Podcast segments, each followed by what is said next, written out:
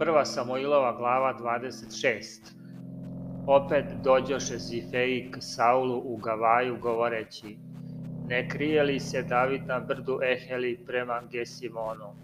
A Saul se podiže i siđe u pustinju Zivsku i s njim 3000 ljudi izabranih iz Izrailja da traži Davida u pustinji Zivskoj i stade Saul u logor na brdu Eheli prema Gesimonu kraj puta, a David osta u pustinji i opazi da Saul ide za njim u pustinju. I posla David uhode i od njih dozna zacelo da je došao Saul. Tada se podiže David i dođe na mesto gde Saul beše s vojskom i David vide mesto gde spavaše Saul i Avenir, sin Nirov, vojvoda njegov, a spavaše Saul među kolima, a narod ležaše oko njega. I David progovori i reče Ahimelehu Heteinu i Avisaju sinu Seruinom, bratu Joavovom, ko će sići sa mnom k Saulu u logor, a Avisaj govori ja ću sići s tobom.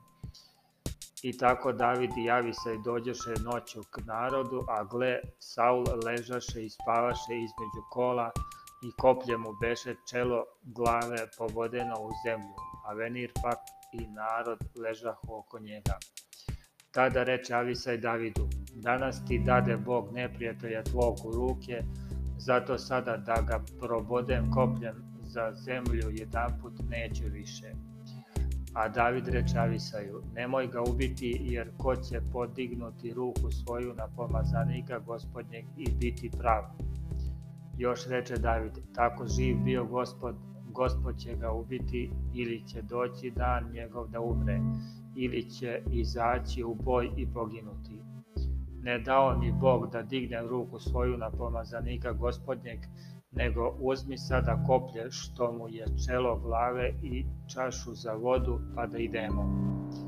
I David uze koplje i čašu za vodu što beše čelo glave Saulu i otidoše i niko ih ne vide i ne oseti niti se koji probudi nego svi spavahu jer beše napao na njih tvrd san od gospoda i David prešavši na drugu stranu stade na vrh brda iz daleka i beše između njih mnogo mesta.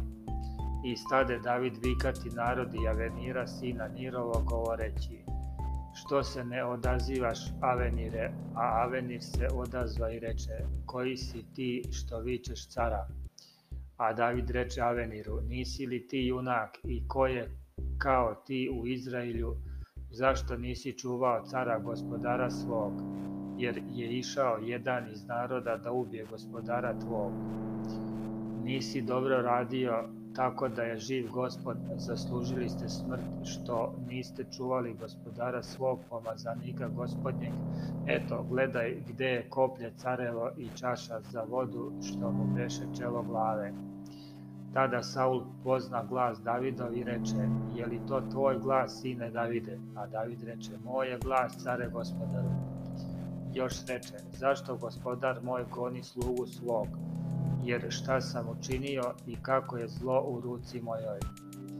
Zato sada, care gospodaru moj, poslušaj reči sluge svog, ako te gospod draži na mene, neka mu je ugodan prinos tvoj, ako Akoli sinovi čoveči prokleti su pred gospodom, jer me izagnaše danas da se ne držim nasledstva gospodnjeg i rekoše, idi služi tuđim bogovima.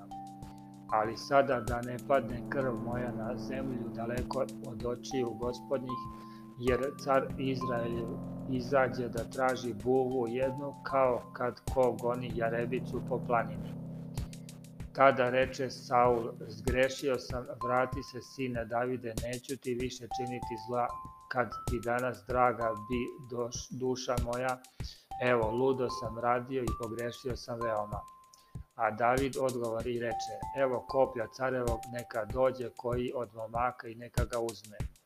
A gospod će platiti svakome po pravdi njegovoj i po veri njegovoj, jer te, te beše predao gospode danas u ruke moje, ali ne hteh dignuti ruke svoje na pomazanika gospodnjeg. I zato evo kako je danas meni draga bila duša tvoja, tako neka bude draga moja duša pred gospodom i neka me izbavi iz svake nevolje.